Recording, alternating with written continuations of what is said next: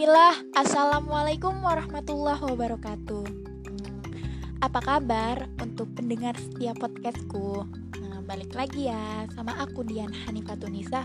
Nah, Alhamdulillah pada kesempatan kali ini Aku ingin ngebahas hmm, Kita sama-sama ya di sini ya belajar. Hmm, Jadi di sini aku ada buku tentang keahwatan di sini tuh bukunya seri materi tarbiyah uh, untuk yang pertama ya yaitu keahwatan bersama tarbiyah ukti muslimah tunaikan amanah. Nah, di sini aku nggak secara full ngebedah satu buku, tapi di sini aku secara perlahan ya, uh, mulai dari bagian satu sampai dengan insya Allah bagian akhir. Nah, sekarang kita masuk ke bagian satu dulu bagian satu ini ngebahas tentang apa sih? Nah, bagian satu ini ngebahas tentang urgensi tarbiyah bagi ahwat muslimah. Kayak gimana sih? Apa gitu pembahasannya? Uh, ayo kita kita belajar bersama-sama ya teman-teman. Jadi di sini untuk bagian pertama tentang urgensi tarbiyah bagi ahwat muslimah tentang di sini aku mau menceritakan tentang latar belakangnya ya sahabat-sahabat. Nah, di sini tuh pada abad pertengahan, tepatnya pada tahun eh, 1500 Masehi. Nah, ini Eropa ini menyaksikan kebiadaban yang sangat tidak berperi kemanusiaan ya, teman-teman terhadap kaum perempuan. Nah, sebanyak 9 juta perempuan dibakar hidup-hidup eh, oleh dewan khusus. Nah, yang sebelumnya mengadakan pertemuan di Roma, eh, Roma, Italia Nah, dengan sebuah kesimpulan bahwa uh, uh, perempuan tuh tidak mempunyai jiwa. Jadi kaum perempuan tidak mempunyai jiwa. Nah, lalu di Yunani uh, dari lembaga filsafat dan ilmu pengetahuan telah menetangkan uh, perempuan secara tirani dan tidak memberikan kedudukan. Nah, kedudukan perempuan ini tidak berarti di masyarakat gitu ya teman-teman. Nah, um, mereka ini menganggap perempuan adalah makhluk yang lebih rendah dari laki-laki. Nah, salah seorang tokoh itu waktu saat itu yaitu Aristoteles uh, mengatakan, nah isinya seperti ini ya teman-teman. Alam tidaklah memberkahi atau membekali perempuan dengan persiapan ilmu pengetahuan, intelektual yang patut dibanggakan. Nah, karena itu pendidikan perempuan harus dibatasi dan diarahkan kepada masalah yang berkaitan dengan rumah tangga, keibuan, kepengasuhan dan lain-lain. Hmm. Terus selanjutnya ya teman-teman, sampai beberapa abad eh, kemudian, nah perempuan tetap menjadi objek penderita dan dianggap sebagai makhluk yang sering membawa bencana. Nah, seperti ungkapan ini eh, bunyinya perempuan adalah sumber besar dari kekacauan dan perpecahan dunia. Nah, bangsa Yunani dan Romawi berkeyakinan ya teman-teman bahwa perempuan itu pikirannya lemah dan pendapat emosionalnya. Nah, karena itu mereka meremah, meremehkan dan tidak menerima pendapat perempuan. Nah, lalu um, untuk selanjutnya Islamlah yang kemudian datang ya teman-teman untuk mengubah berbagai persepsi dan perlakuan yang sangat tidak adil untuk kita ya teman-teman terhadap kaum perempuan. Islam datang untuk melakukan pemberdayaan terhadap potensi kebaikan manusia, laki-laki maupun dengan perempuan, agar apa nih? Mereka menjadi hamba yang menanti Tuhannya. Nah, kejahiliaan telah dihapuskan dengan cahaya Islam lewat sentuhan tarbiyah Islamiyah yang dilaksanakan oleh Nabi kepada umatnya di sisi Nabi kaum perempuan adalah umat yang mulia. Lalu di sini juga ya teman-teman mereka mendapatkan tarbiyah dari Nabi Shallallahu Alaihi Wasallam dengan diarahkan kepada menuju posisi dan peranan yang adil antara laki-laki dan kita uh, sebagai perempuan. Nah, tidak ada diskriminasi, status kemanusiaan dan potensi keduanya. Tarbiyah telah mencerahkan kaum perempuan sehingga mereka mendapatkan kesetaraan dalam harkat kemanusiaan dan potensi kebaikan. Nah, selanjutnya teman-teman di sini ada dijelaskan dalam bukunya yaitu kegiatan tarbiyah itu seperti uh, sebuah proses yang bermaksud menghantarkan pelakunya menuju sebuah uh, kesempurnaan dalam batas yaitu kemanusiaan. Yaitu berupa dengan usaha-usaha perbaikan diri dan umat untuk mencapai kondisi yang lebih baik lagi ya, teman-teman. Para ahwat muslimah uh, adalah bagian dari masyarakat ya sebagaimana juga laki-laki yang harus dipersiapkan segala peran kebaikannya dalam sebuah proses tarbiyah. Nah, di buku ini juga disebutkan ada enam poin uh, urgensi. Nah, mengapa um, urgensi ini kegiatan tarbiyah bagi ahwat muslimah di era sekarang diperlakukan? Untuk poin yang pertama di sini disebutkan ya tentang urgensi penanaman dan penjagaan iman menghajatkan kerja yang serius. Nah, di mana kita lihat ya teman-teman dalam kehidupan sehari-hari uh, um, Ahmad ini banyak faktor yang bisa menggerogoti keimanannya. Nah, nah contohnya yaitu uh, seperti berbagai tawaran kegiatan yang berorientasi kepada pemenuhan nafsu syahwatnya. Nah, itu dengan terang-terangan dipromosikan lewat media massa. Nah, media ini kan yang biasa kita kenal ya media massa mau mm, mm, ini merupakan media massa mm, cetak maupun elektronik nah orientasi ini hidup. Nah serba materi yang ditonjolkan lewat media iklan ya teman-teman. Nah pada akhirnya telah mengiringi manusia kepada sifat keinginan memen, untuk memenuhi kebutuhan hidupnya secara insan. Nah tanpa mempertimbangkan moralitasnya.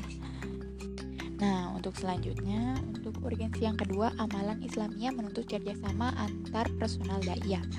Uh, seperti kaum muslim dan muslimat, kita nih ya dituntut oleh Allah untuk menunaikan sejumlah amalan. Nah, amalan ini yaitu bersifat uh, yang disebut dengan individual dan bisa disebut juga dengan sifat non individual. Nah, kewajiban kita sebagai individu uh, seperti sholat, zakat, haji, puasa, dan sebagainya. Nah, pada kenyataannya dituntut pula melibatkan sebuah sistem yang kondusif bagi terlaksananya berbagai amalan tersebut. Nah, apalagi kewajiban yang bersifat dengan sistematik ini seperti dakwah uh, dan uh, jihad dan lain sebagainya ya teman-teman.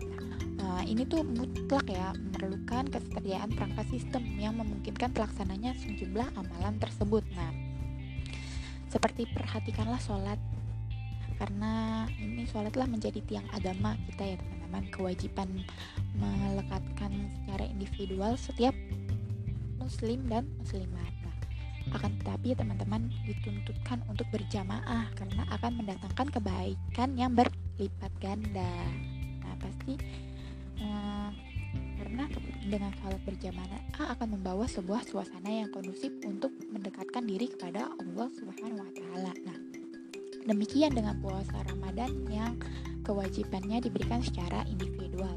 Allah juga dilaksanakan secara bersama-sama oleh kaum muslimin. Nah, menjadi ibadah yang ringan untuk dilaksanakan ya teman-teman.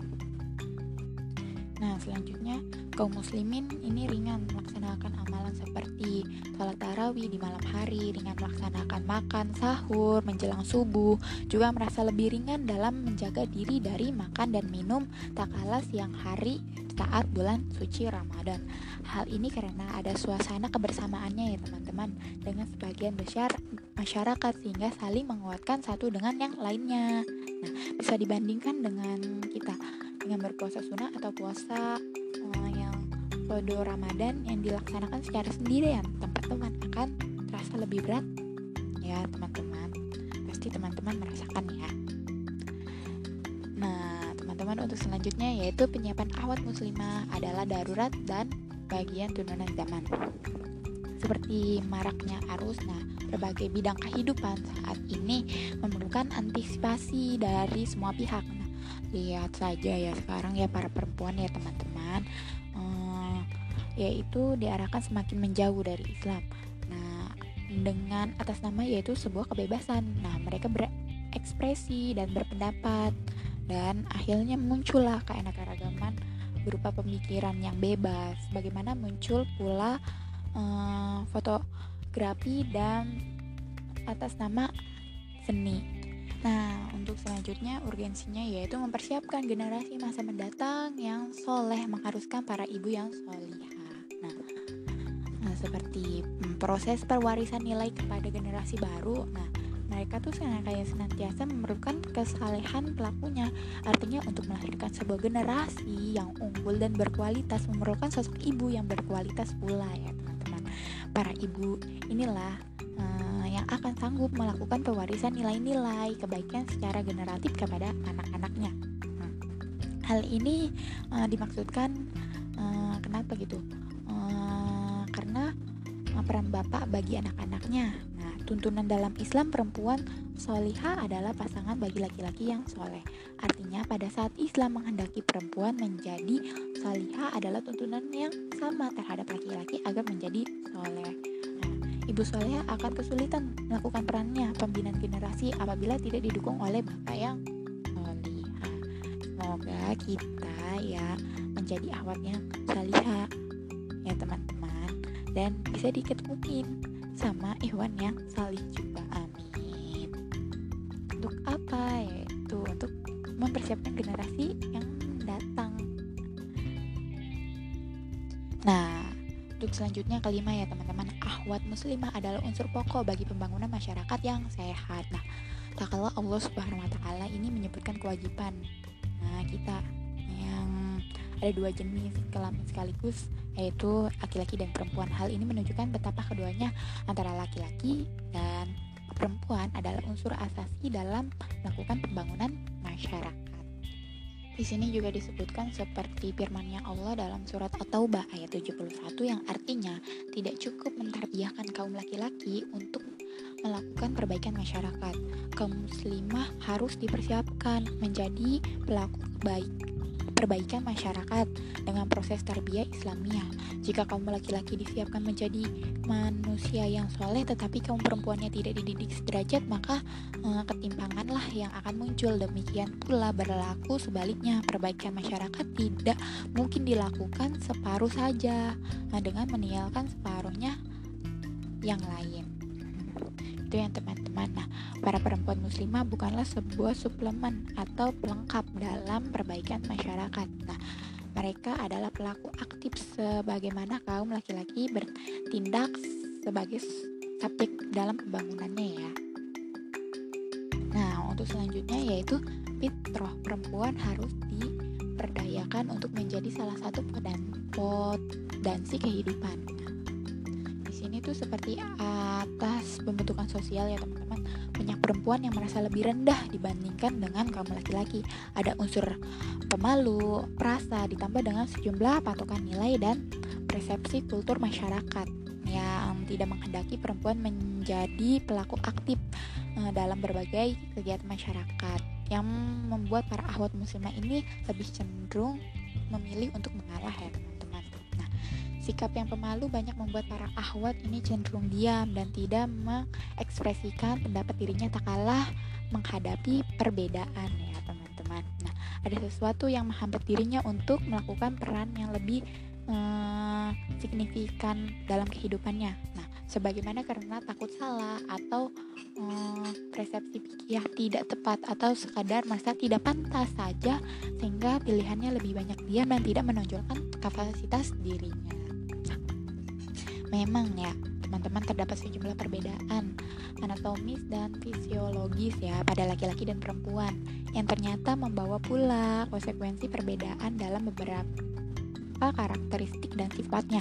Walaupun perbedaan pokok susunan syaraf di antara laki-laki dan perempuan tidak berarti, tetapi ada sebuah kecenderungan dalam hmm, bersifat berkelainan selanjutnya teman-teman, di sini betul di sisi lain uh, intuisi perempuan lebih tajam. Nah, kemampuan ingatan perempuan amat kuat. Uh, demikianlah uh, dari beberapa urgensi tarbiyah ya teman-teman bagi perempuan muslimah. Uh, dikit ya, dikit lagi ya teman-teman. Nah, di mana tuh tarbiyah telah mengangkat derajat kita ya teman-teman sebagai perempuan muslimah dalam kapasitas sebagai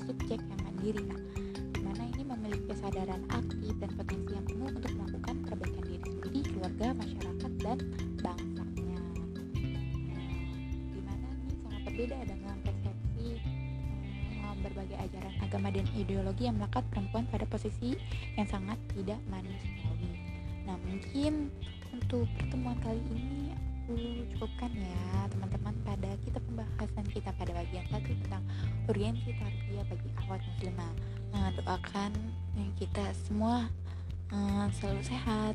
Nah, semoga kita dapat bertemu lagi ya teman-teman pada kesempatan yang akan datang. Hmm, kurang lebihnya aku mohon baiknya uh, diambil, kalau buruknya dari datangnya pasti dari aku. Tolong jangan diambil ya teman-teman. Hmm, jangan lupa untuk selalu bersyukur dan bahagia. Be happy. Sekian dari aku Dian Hanifatunisa. Hmm, yang belum follow IG aku, yuk kita sama-sama silaturahmi melalui IG aku yaitu Etian Tunisa ya aku follow back teman-teman yaudah ya aku akhiri uh, dari aku Dian Tunisa wassalamualaikum warahmatullahi wabarakatuh